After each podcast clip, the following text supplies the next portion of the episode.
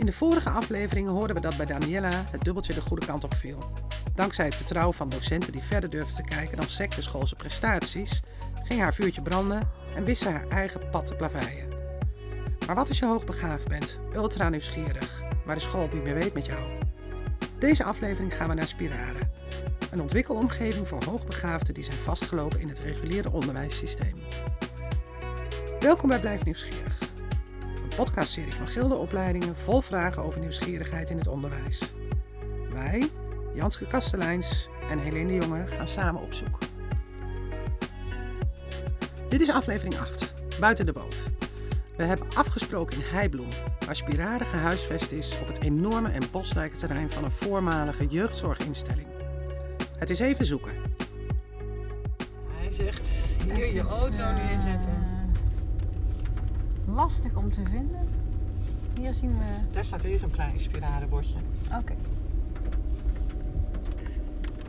Nou, gaan we eens kijken. Ik zie ook jonge mensen. We worden buiten hartelijk opgevangen door Tom Scholz. Hij is een van de jongeren die zijn verhaal met ons wil delen. Net als Brooke Engelen. Hen horen we later. Eerst worden we rondgeleid door oprichter Hanny Kusters. Ja, mijn naam is eh Hanny Kusters. Eh, ik ben initiatiefnemer samen met mijn broer eh, Johan van eh Spirare. En eh, 25 jaar geleden veranderde mijn beroep in een roeping en mijn werk in een missie om jongeren die vastliepen in het reguliere onderwijs, om die weer levenskracht te geven en ontwikkelingskracht. Hanny vertelt dat jongeren die stuk lopen in het reguliere onderwijs niet zelden hoogbegaafd en hoogsensitief zijn. Hun prestaties laten vaak echter het tegenovergestelde zien en ze raken soms volledig opgebrand binnen een systeem dat niet past bij hun ontwikkelbehoeftes. Ouders zien hun kinderen vaak wegzakken in een sociaal isolement met alle emotionele problemen die daarbij horen. Deze jongeren doorlopen binnen Spirare een gefaseerd traject. Dat begint met rust. Eerst letterlijk weer op adem komen en jezelf terugvinden. Dat doen ze in een groene oase met talloze knusse groeps- en coachruimtes, ateliers en buitenruimtes waar de jongeren op ontelbare manieren kunnen ontspannen, leren en ontwikkelen. Het ziet er allemaal heel eh, vriendelijk, gezellig uit. Hè? Heb je dat organisch dus ook geprobeerd toch een beetje ook, eh, mee te nemen hier, Hanny? Of, Ja, ja we, hebben, we hadden, eh, binnen in de panden is het alweer spiraal en buiten zijn we Ja, nog ja, heel veel ja. doen. Nu lopen we eigenlijk binnen bij, Oh. eh, een boekenboog. dit is de huiskamer van, Ja. de, van de jongerengroep. Die hebben een paar kamers, een speelkamer, een computerkamer. En die hebben hier een huiskamer. Oh, ja? Waarin ze altijd de geborgenheid eh, kunnen vinden om, eh, om in, in, terug, in terug te komen. En wat noem jij jongeren? Ja, dat is van 5 tot en met 12. Ja, oké. Dus, eh, Ja. En als ze wat ouder zijn en ze zijn sociaal nog angstig, dan sluiten ze ook eerst hier aan om van Hmm. hieruit het terrein te gaan verkennen. Mhm. Ja. En als ze zich veilig genoeg voelen, dan gaan ze weer zelf op, eh, op stap. Maar het is gewoon eh, huiselijk ingericht. Ja. Eh, Maar is hier dan iemand aanwezig, zo Ja. overdag? Ja, ja. Ja. we hebben hier eh, een team van drie personen op zitten. En dat wordt aangevuld met de andere lifeguides. Maar onze, de jongeren van hier gaan ook overal op het terrein ook activiteiten doen. Maar dan worden ze wel begeleid in het begin. eh, Oh, dan Maar kunnen natuurlijk inderdaad die ouderen kunnen daar ook weer een rol in spelen. ja. Ja. En ze hebben hier ook eh, trampolines en eh, Ja. een boomhut. die zijn we weer op aan het zetten. Dus, dus, dit. dus dit is eigenlijk de huiskamer voor de jongere kinderen van waaruit zij het terrein gaan verkennen. En die eten hier smiddags ook apart. Ja, ja. Omdat ja, ja. dat nog te massaal is. ja, ja. ja. Eh, Hier zijn nog eh, kameren voor eh, beauty en Oh, lifestyle. Jongeren die zich bezig willen houden met eh, alles wat met ontwerpen van kleding en, eh, en make-up. Uiterlijke en- verzorging. ja, uiterlijke verzorging. Ja. Hier hebben we een ruimte voor fotografie als je wilt. eh, eh, ja, programma's zeg maar voor foto's te bewerken en dat soort eh, dingen. En dan hebben we hier nog een eh, textielatelier en meer een papieratelier zeg maar. Dus hier wordt genaaid en ontworpen en alles met kleding eh, gedaan. En hiernaast wordt alles op het gebied van ja, meer papierachtige, ook wel eens met textiel, maar ja, we hebben meer andere dingen, dingen gemaakt. Of homepots of ja, we, wij geven nooit opdrachten. We hebben wel soms workshops waar ze bij aan kunnen sluiten. Mhm. Maar ze bedenken meestal alles wat ze zelf willen Mhm. maken, zeg maar. Dus dat, eh, ja, dat kan van alles. dat kan van alles zijn. ontstaat, Ja, maar is ook niet dwingend. nee, nooit. Nee, ze hebben al dwang genoeg gehad. Dus die dwang halen wij en druk halen wij er helemaal af. Alles is vrijblijvend. Als ze hier de, in het begin de hele week zijn en ze willen alleen maar slapen op de bank, dan slapen ze op de bank. Want sommigen komen niet verder, maar vinden het wel fijn om dan zonder druk wel gewoon ergens te kunnen zitten of kunnen liggen. En dan komt vanzelf weer een moment dat ze zeggen, nou, maar ik ben nu weer wat bijgerust, ik wil iets doen. En eh, dan is het soms ook niet meteen erop springen Hmm. en meteen alles gaan rekenen. Mhm. Maar zeggen, oké, en wanneer denk je dat je dat wilt gaan doen en wat heb je ervoor nodig? En dat heel langzaam begeleiden en ze gewoon de tijd geven. En dan zeggen we altijd, nou ga het uitproberen en vind je het leuk, dan ga je verder. En kom je iets leukers tegen onder, onderweg, dan draai je af. En als je het niet leuk vindt, hoef je het niet af te maken, mag je ook weer gewoon terug. Want ze hebben zo vaak gehoord, ja, Ja, maar ja, aan het begin afmaken. moet je het ook afmaken. Ja. En dat past Want die, eh, co- die coachruimtes die we steeds zien, hè? zit je daar met een, eh, heb je een bepaalde vaste coach steeds of een bepaalde mentor, zeg maar? Of, Ja, Of net- al onze jongeren hebben, zij noemen we live trackers, die Ja. het leven hun eigen pad, Ja. hun eigen track kiezen. En dan hebben we twee soorten eh, coaches, de Ja. life guides en de track guides. ja? En de life guides die, die eh, ondersteunen bij vakgerichte dingen, zoals Anita hier in deze Ja, met alle, alle creativiteit, eh, zeg maar. En, eh, en je hebt de track guides, die volgen de track Mhm. van eh en gidsen de jongen door het, door het proces. En die kennen jou, die doen met jou autobiografisch onderzoek, die doen de strength finder om te kijken waar je, waar je krachten liggen. Ehm, daar doen we, eh, kijken we precies wat er nodig is, halen we uit onze rugzak om hun tijdens dat proces ook eh, te begeleiden. En die krijgen ook gespecialiseerde begeleiding. Heel veel kinderen zijn ook eh, sociaal angstig, durven heel veel dingen niet meer, of hebben angst voor mensen of situaties. Of kampen met heel veel boosheid of eh, ag- agressiviteit. Dus ja, dat, eh, dat nemen we allemaal mee in het proces. Hè, dus, eh, dus dat is, we herstellen ze, maar we zijn tegelijkertijd weer bezig. Ook weer met de dingen die ze wel willen gaan doen. Niet alleen maar het herstel, Hmm. want dat is niet leuk, hè, maar Mhm. ze herstellen tijdens het proces. Ja, dus dat. En dat, eh, dat doen de trekguides. Ook het verwerken van de schooltrauma's en Mhm. zo. En dan hier. Het is nog lekker weer nu. Het Ja. wordt eh, in één keer stralend weer. Ja. Nou, we zijn, eh, zoals je ziet, zit daar de boomhut in aanbouw. Ja, Mooi. En de heel mooi. trampolines. En eh, ze zijn hier een, ook een groentetuin aan het eh, aanleggen. Ja? Dus, eh, die is ook in, eh, in aanbouw. En jongeren zijn hier in het gras een, eh, een hut aan het maken. En ze hebben ook hutten in de bossen gebouwd, zeg maar. Maar dit moet een hele specifieke worden. Er is een tekening voor gemaakt. En, eh, zijn Toen we hier aankwamen, waren hier inderdaad, denk ik, dus de jongere kinderen. Ja. Denk een jaar of zes, zeven, die waren hier eh, Ja. in die kuil. Ja, klopt. We hebben veel trampolines staan. We veel jongeren eh, kampen met heel veel ingehouden dynamiek. Mhm. Dus die moet eruit. Mm. Dus die kunnen soms de hele dag alleen maar trampolines springen. Dus eh, dat hebben ze ook echt eh, nodig. Nou, dit gebouw is van ons. We hebben daar nog zo'n hele Oh ja? vleugel. Waarbij Oké. de linkerkant is de nachtopvang. En de rechterkant is eh, de kant voor eh, gaming, game design, eh, programmeren, elektronica, robotica, allemaal dat soort spullen. En dan hebben we daar ginds in de verte hebben we nog twee gebouwen. En daarachter ligt de oude ambachtschool. eh, ja, waar je van alles eh, kunt doen. En het gaat dus van sporten naar muziek. En het middelste is het restaurant. En er zijn ook de spelletjes. We doen heel veel spellen met hun spelen waar ze voldoende zeg maar, uitdaging hebben. Als ze geen leerstof meer tot zich kunnen nemen, kunnen ze wel zich ook ontwikkelen door ingewikkelde spellen. Waar, en dat vinden ze zelf ook ontzettend eh, leuk, zeg maar. Eh, en ook het outdoor gedeelte bevindt zich daar nog, eh, nog weer achter. Dus, Wat een prachtige plek en wat een mogelijkheden. Binnen praten we in alle openheid verder met Hanny en live trackers Brooke en Tom. Nou, ik ben eh, Tom, ik ben 22 jaar oud. Ik woon in Apeldoorn en zit al eh, bijna anderhalf jaar op Spiralen. En eh, via een hele lange weg ben ik hier gekomen. Heel toevallig ontdekte mijn vader via een vriendin van hem, een evenement van een vriendin van hem, iemand die over het bestaan van spiralen wist.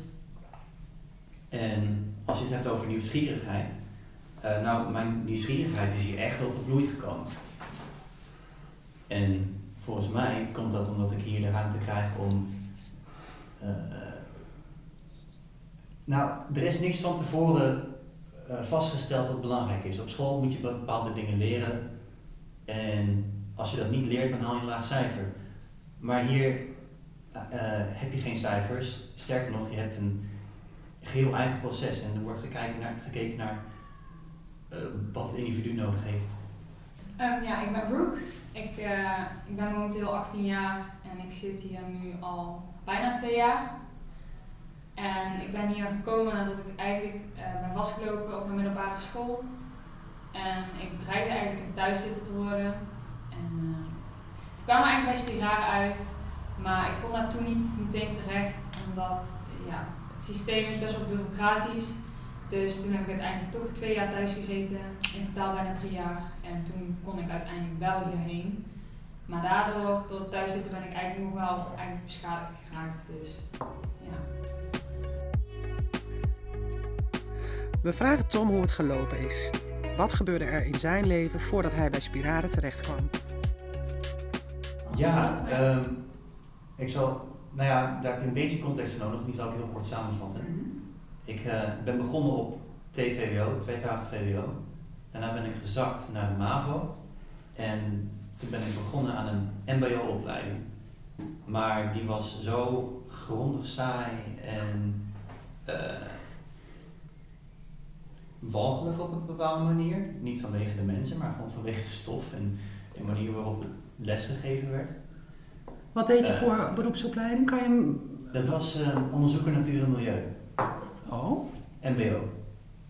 MBO 4.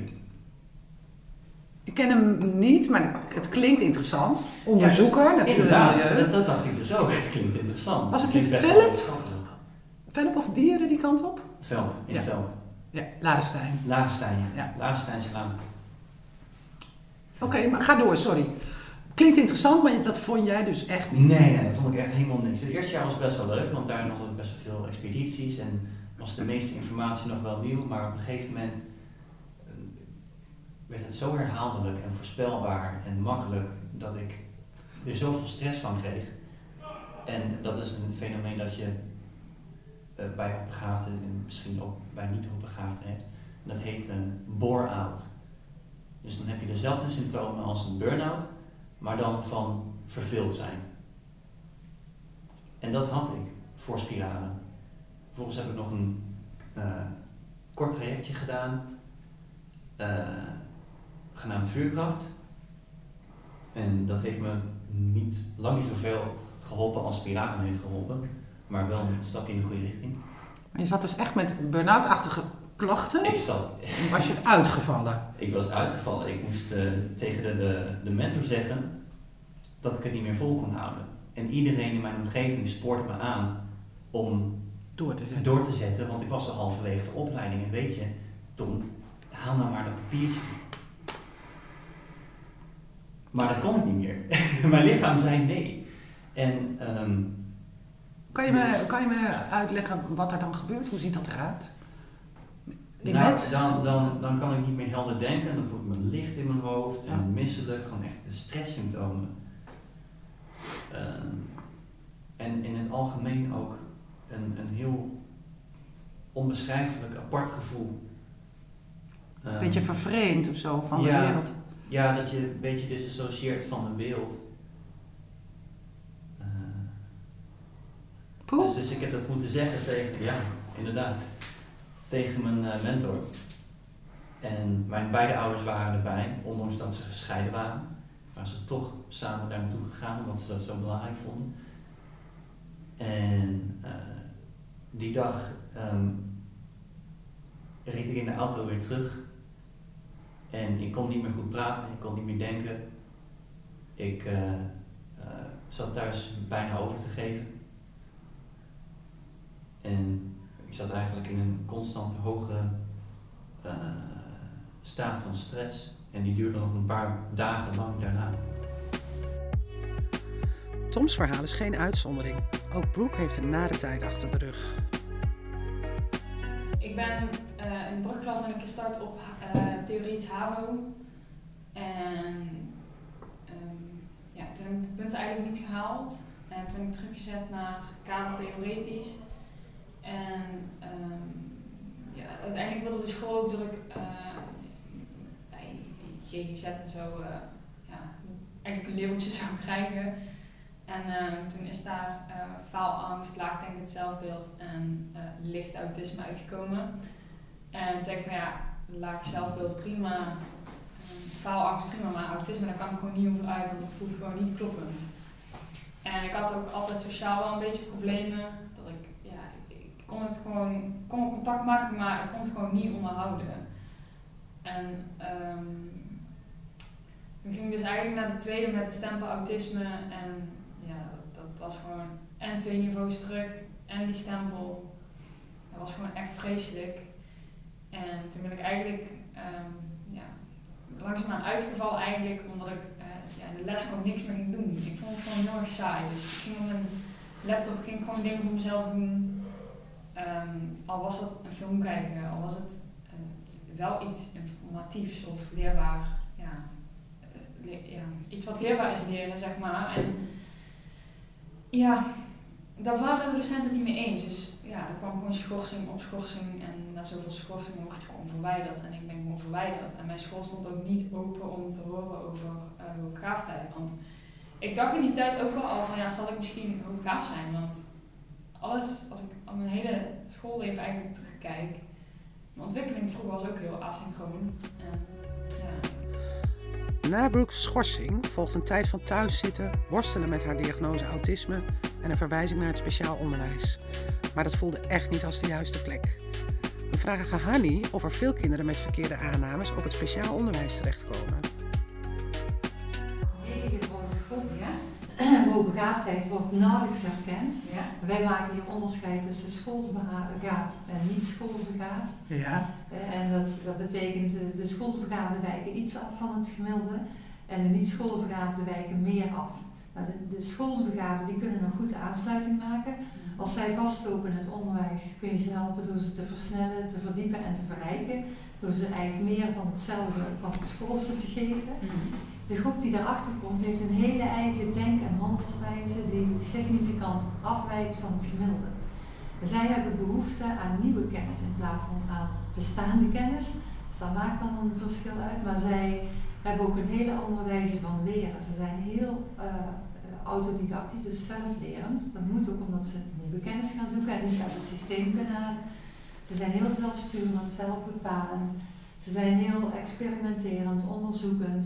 Dat is hun manier van uh, leren en dat is heel iets anders dan bestaande kennis van buiten leren. En daardoor vinden ze vaak aansluiting niet. Uh, ze lopen vaak voor op, uh, op leeftijdsgenoten.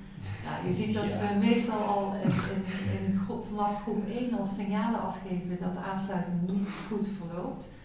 En uh, ja, dat leidt altijd tot problemen ergens op een bepaalde leeftijd. Men kan op 6-jarige, op 9 of 14-jarige leeftijd veel jonger worden suicidaal. Hoogbegaafdheid en niet wordt herkend. Zowel Tom als Broek hebben de ervaring dat er nooit echt naar hen geluisterd is. Ze voelen zich klein gehouden en ondervraagd. Tom herkent het autodidactisch leren dat Hanny beschrijft. Hij illustreert dit met een voorbeeld. Ja, voor mij, ik uh, merkte het vooral pas op spiralen, maar voor spiralen heb ik ook al uh, ervaring mee gehad. Dat ik bijvoorbeeld vanuit mezelf uh, vliegtuigjes ging vouwen en dan met hele nieuwe ontwerpen kwam en een systeempje erin kreeg en dat systeempje ging aanpassen Um, moeilijk uit te leggen. Eh, Want het zijn grote denkstappen die ik heb gemaakt. Dus ik probeer nu even snel een manier te vinden waarop ik die denkstappen in klein, kleinere stappen kan verdelen. Maar principe van een papieren vliegtuigje vouwen dat vliegt, is dat je aan de voorkant meer gewicht hebt dan, dan aan de achterkant. En dat je niet al te grote vleugels hebt, want dat, of te klein. Die fout maken mensen heel vaak en dan vliegen papieren vliegtuig niet. Ehm, maar ik had, ik had op een gegeven moment een ontwerp dat zo goed zweefde en zo goed in een eh, thermiekbel kon blijven zitten, dat ik hem eh, van de flat gooide en hij pakte zo'n thermiekbel. Hij steeg nog eens een keer 30 meter en vloog zo een paar honderd meter de andere kant op. Hoe oud was je toen? Ik denk 14 of 12. Maar daar ben je dus helemaal ingegaan. Proberen, proberen, proberen. Mm, Theorie gezocht? Of, of mensen Ja, theorie gezocht, geraadpleegd? heel veel theorie gezocht op internet. Ehm, maar op een gegeven moment merkte ik dat ik het zelf beter kon. Ondanks dat Tom dus slim is en graag op onderzoek uitgaat, liep hij vast in het onderwijs. Hoe kan dat dan? vragen we Hanny. Ja, de kennis die nu aanwezig is op veel scholen, want dat is de afgelopen 25 jaar wel veranderd, gaat vooral over de schoolschoolbegaafden. En dan wordt er nog gesproken over onderpresterers, maar dan weten ze eigenlijk al niet goed meer wat dat zijn. En dat zie je ook bij psychologen en psychiaters. Die krijgen een opleiding maar een 15 minuten over hoogbegaafdheid. En zij zien dus de overlevingsverschijnselen van de hoogbegaafden vaak aan voor een stoornis. En van daaruit, eh, omdat ze niet weten wat hoogbegaafdheid precies is, eh, de- ja, doen zij die signalen, eh, vertalen zij die naar een diagnose en maken dan een behandelingsplan om weer aan te sluiten op het gemiddelde. En dan gaat er eigenlijk weer een streep door het eigen kind. Je zou eigenlijk moeten kijken naar, het eigen, eh, naar de jongeren en kijken wat, wie ben jij en wat heb jij nodig om tot ontwikkeling te komen. Ja, dat is een hele andere vraag. Ik, ik, denk, ik denk ook wel dat de niet-schools ook wel binnen het, het, het systeem zouden kunnen functioneren. Maar dan zou je wel, die, ja, eigenlijk je hele schoolleven lang zal diegene toch ja, bijgezet moeten worden en ondersteuning moeten krijgen. En ehm, ja, dan zal er eigenlijk toch met man en macht gezorgd moeten worden dat hij het toch redt eigenlijk. Maar als je nou uitgaat van een school die jou ehm, eh, wel ziet en die eh, jou, eh, hè, jouw eigenheid als mens respecteert en herkent en die jou kansen geeft om met die nieuwsgierigheid aan de gang te gaan, heb je dan nog zoveel support nodig? Ik denk het wel, vooral het gevoel om gezien te blijven worden. Want als, ik denk, als ik binnen het reguliere systeem dat zou krijgen en uiteindelijk dan denk van, de docent dan denkt van, oh het gaat goed en Ja, laat maar los. doorgaan, Ja? dan zou ik zeggen van ja, waarom doe ik dit? Want eigenlijk wil ik het niet eens. En toch een beetje ook ehm, het, het gevoel dat je toch, ja, Maar je zit dan al toch op een punt dat, eh, wat- wat jij zei, dat het eh, systeem al ingericht is op hoogbegaafdheid. Ja, nou, ja, ik zei stel dat. dit scenario. Ja, precies, stel dat. Ehm, Ja, maar voor mijn ervaring is, de niet-schoolsbegaafden, die hebben niks met het- schoolse vak Het over instituut. het algemeen. klopt. En ook hun leervaardigheden sluiten er gewoon niet bij aan. Dus in het begin, in 2000, begeleidde ik nog iedereen terug naar school. Ik herstelde ze en dan ging Ja. ze terug naar school. en daar ben je En mee dan kreeg opgehouden. ik ze 1, 2, 3 of zelfs 20 jaar later weer terug. En dan zeiden ze tegen mij, stuur me alsjeblieft nooit meer naar school. Ja. En de eerste keer kon ik ze nog weer eh, mee herstellen. De tweede keer wilden ze al niet meer, want dachten ze, dan moet ik weer terug naar school. Want het, het, het, het, gewoon het principe van hoe wij school hebben ingericht in Nederland past niet bij hun. Dus wel bij de schoolshoogbegaafden, die ook gericht zijn op die kennis, maar die niet schoolsbegaafden, ja, die wijken gewoon verder af en die hebben hele andere eh, Ja. behoeften. Dus wat je dan ook doet, en vaak is het ook een verademing voor scholen om dat verschil te kennen, omdat ze dan ook weten waarom het bij de een wel lukt en bij de ander niet. Ze herkennen dat dan ook. Want het is heel frustrerend als je als school heel erg je best doet en het lukt toch niet, want je kunt daar niet in behoefte voorzien en de uitzonderingen die ze dan nodig hebben, die zijn zo groot en die willen ze gewoon niet maken, die kunnen ze ook niet maken, want ze zitten vast in het systeem Hè, mag geen Kan je eens een voorbeeld noemen van die behoefte dan? Nou, kun, kun je, kun je bijvoorbeeld iemand over laten gaan eh, zonder huiswerk te laten maken Ja. zonder de juiste punten te hebben? Ja. Hè, dus als jongeren nog wel wat vinden, eh, zeg maar, die leven een beetje op de pauzes, op de sociale eh, omgeving, zouden ze dan toch school mogen bezoeken zonder dat ze voldoen aan de voorwaarden om door te gaan. Ook wetende dat ze misschien helemaal geen diploma halen, Mhm. ma- mag dat. Hè? Aan de andere kant heb ik jongeren, ik heb nu drie jongeren die zitten alle drie op het gymnasium, die zijn alle drie studies gedaan. Ogenschijnlijk hartstikke goede punten, lijkt het heel goed te gaan, maar ze halen er niks uit. Ze vinden aan mijn tafel nu al die intakes, school is nutteloos, zinloos, voelt niet alsof het past bij mijn leven. Ik haal er niet de kennis uit die ik nodig heb. Dat zijn vaste uitspraken die overal in het gesprek terugkomen. Dus het Maar zo'n gymnasium lijkt me heel erg gericht op cognitie, hè? kennis. Ja. Eh, eh, hoog tempo, eh, veel, veel, veel. Ja. Maar, maar als Dat is nog een vrij schools concept eigenlijk. ze, ze zakken ook vaak af, hè? Ja. Gymnasium, VWO of Ja. VWO naar HAVO, Ja. dan naar VMBO. en dan verlaten ze soms nog zonder diploma Mm. school, hè? omdat Mm. het dan ook niet meer aan. Je hebt dan geen ontwikkelingsgelijken, er zit erg veel herhaling in. Eh, het zijn allemaal dingen die, en het blijft nog steeds niet interessant. Dus wel soms, de, laatst heb ik een jongen die zei nou alle praktische vakken. Nou, daar kon ik nog best mee overweg. Maar de rest, ja, laat mij dat alsjeblieft in Gods vredesnaam niet doen. Nou, ik vraag het eigenlijk omdat wij natuurlijk net toch van Agora komen. eh, waar ehm, eigenlijk de, de, de eigen nieuwsgierigheid natuurlijk van, van het kind centraal staat. Dus wij spraken een jongen, we zeiden, wat ben je eigenlijk aan doen? Hij zat met zijn, met zijn coach aan de computer. Hij zei, ik eh, ga een ehm, kledinglijn beginnen. Oké, nou schat een jaar of 13, 14? Ja. Eh, een groepje andere studenten waren bezig om een kamp te organiseren voor de school. Eh, nou, ik wil daar graag even op inspringen, want voor een heel aantal jongeren die op het grensvlak zitten of schoolsbegaafd zijn, werkt Agora uitstekend. Hè, Ja. dat voorop stellen.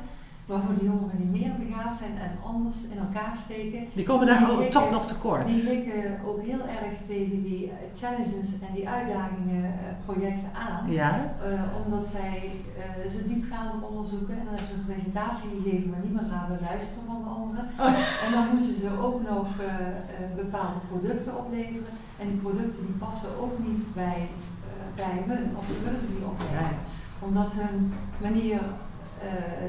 Dus, eh, dat, dat, eh, het is, dat is zo grondig anders, zo wezenlijk anders, Ja. dat ook dat dus niet beantwoordt aan die behoeften. Nee, nee, ik heb een aantal jongeren van hun gekregen en soms krijgen we er ook weer eentje van ons. Hè. Ja. Dus, eh, Ja. als je op dat grensvlak zit, dan, dan ga je kijken van wat, van Mm. wat werkt. Maar voor de jongeren die hier zitten en die daar gezeten hebben, heeft dat niet gewerkt. Nee. Die lopen dus tegen andere, andere dingen aan. Dus wij staan ook iets verder van de normaal af als Agora. Maar voor Agora is voor die school zo begaan. Net zoals de plusklassen en de Leonardo scholen. Die zijn daar ook heel goed voor. Maar heel veel hoogbegaafden die onderpresteren, die komen niet eens in die plusklassen of want die Nee, hebben al nee, zoveel nee, overlevingsstrategieën en die halen niet de benodigde cijfers. Die komen daar helemaal niet, niet terecht. Mm. Dus die blijven verstoken van, eh, van hulp. En in het hulpverleningsgebied is ook weinig kennis over hoogbegaafdheid. Dus dat wordt heel vaak niet meegenomen. Je zal maar niet schoolsbegaafd zijn. Is school dan ondenkbaar voor jou? Tom en Broek hebben er wel ideeën over hoe het wel kan. Als, als de huidige vakken die er zijn niet verplicht worden en er ehm, een, een soort systeem komt waarin je eh, gestimuleerd, maar niet getoetst wordt op, de, eh, op jouw interesses. Ehm, waar je dan ook weer vervolgens als eh, jongere of als kind eh inbreng in hebt. Of niet per se inbreng, maar in ieder geval dat als je suggesties hebt over hoe het beter kan, dat je die kunt neerleggen en dat er naar geluisterd wordt.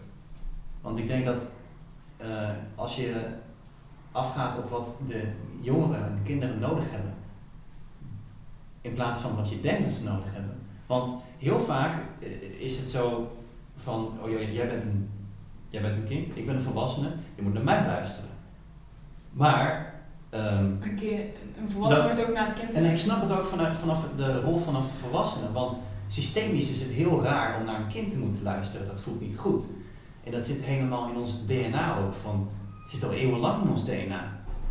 Dus dat, dat moeten we ook een beetje, dat zouden we ook moeten doorbreken. Maar de, de beste manier om, om dat te doorbreken is volgens mij gewoon om te beginnen. En samenwerken met elkaar. Een beetje van jou en een beetje van mij. En samen uiteindelijk een oplossing komen. Ja, En ik denk dat het...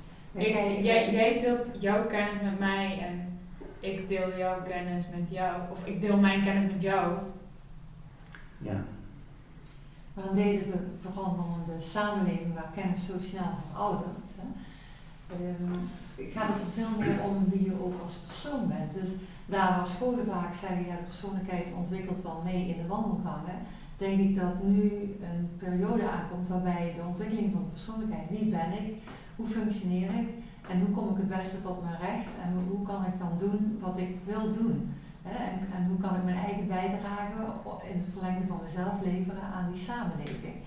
En die vragen beantwoorden met al vanaf jonge leeftijd daarmee bezig zijn.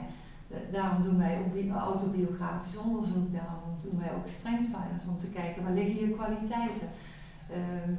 Wa- welke richtingen bevinden zich in jou, welke interesses, welke passies, welke natuurlijke vaardigheden gebruik je en wil je die ook inzetten of is het als hobby? Of, en, eh, en weer niet eh, een werkend leven hebben, maar leven en daarin activiteiten hebben waarmee je ook alleen je onderhoud kunt voorzien.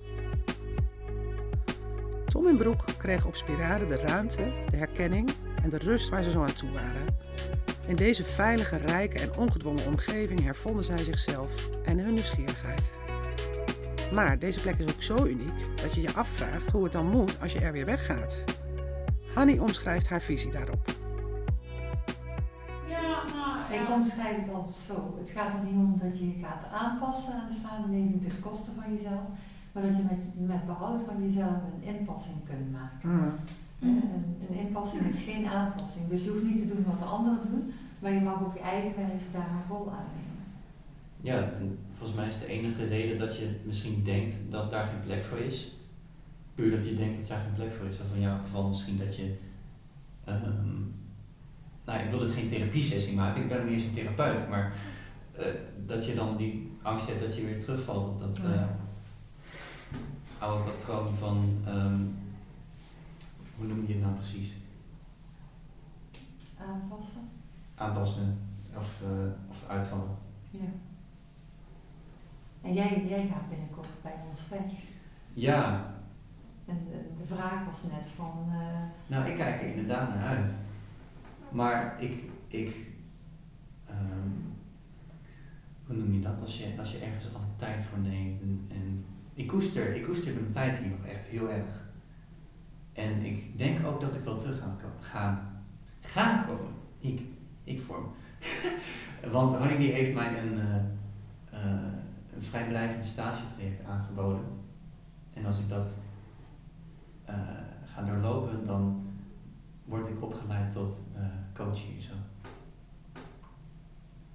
Ik denk dat ik dat ga doen, want dat me wel. Zo, ja, ja. Super. Heel gaaf, ja. Ik weet alleen niet wanneer. nee, we willen ook eerst gewoon een tijd naar buiten. Hè, om, eh, Ja. Ja. om gewoon weer even de stap buiten spiralen te zetten. En, eh, en dan zijn we nieuwsgierig of dat je weer, eh, dat, of dat, dat eh, bij die wens blijft, of dat de wens ook weer verandert in de toekomst. Ja. Toch? ja.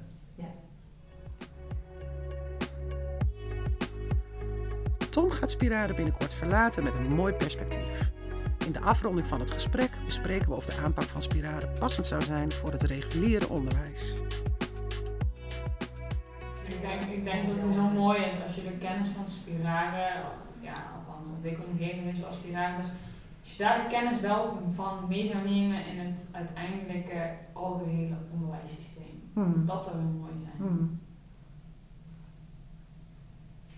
Nou, ik denk dat het mooi is om af te sluiten, toch? Dat denk ik ook. Ja. Ja. Oké, dit was het dan, doei. Dank jullie wel voor jullie eh, openhartige bijdrage en jullie ehm, meedenken eigenlijk ook hè, met ons. Heel leuk om kennis met jullie te maken. Jij ook, Annie. Hier eindigt ons bezoek bij Spirade. In de auto terug naar huis maken we de balans op. Nou, in ieder geval een wijze les voor vandaag. Die nieuwsgierigheid voor ons als professional, hè, los van ook qua. Je kunt natuurlijk kijken naar eh, vormen van onderwijs. Doe ik het goede? Doe ik het goed? Wanneer is het goed?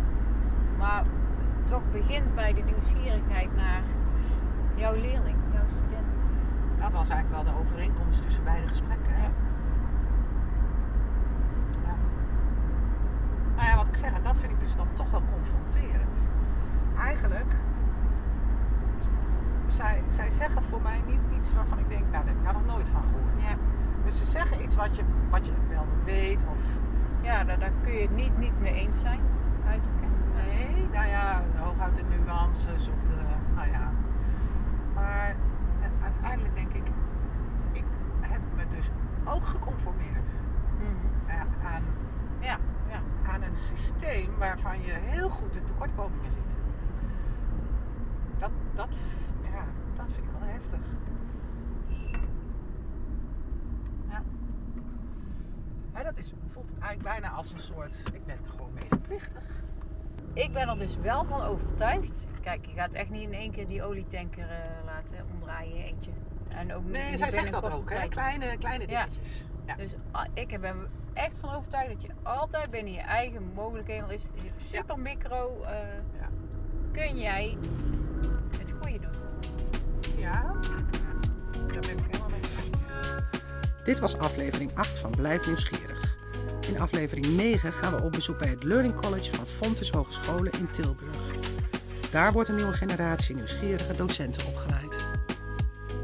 Ja, ehm, ik denk dat het grootste verschil is dat je bij Learning College wordt opgeleid tot hybride eh, professional eigenlijk. Eh, dus dat betekent dat je in meerdere contexten kan bevinden dan alleen eh, docentschap. Dus ook binnen bedrijven, binnen andere organisaties, verenigingen, etc. Deze podcast werd gemaakt door ons, Janske Kasteleins en Helene de Jonge, voor Gilde Opleidingen. Eindproductie was in handen van Willem van Vullings Media. Speciale dank deze aflevering voor Hanny Kusters, Broek Engelen en Tom Scholz van Spirale.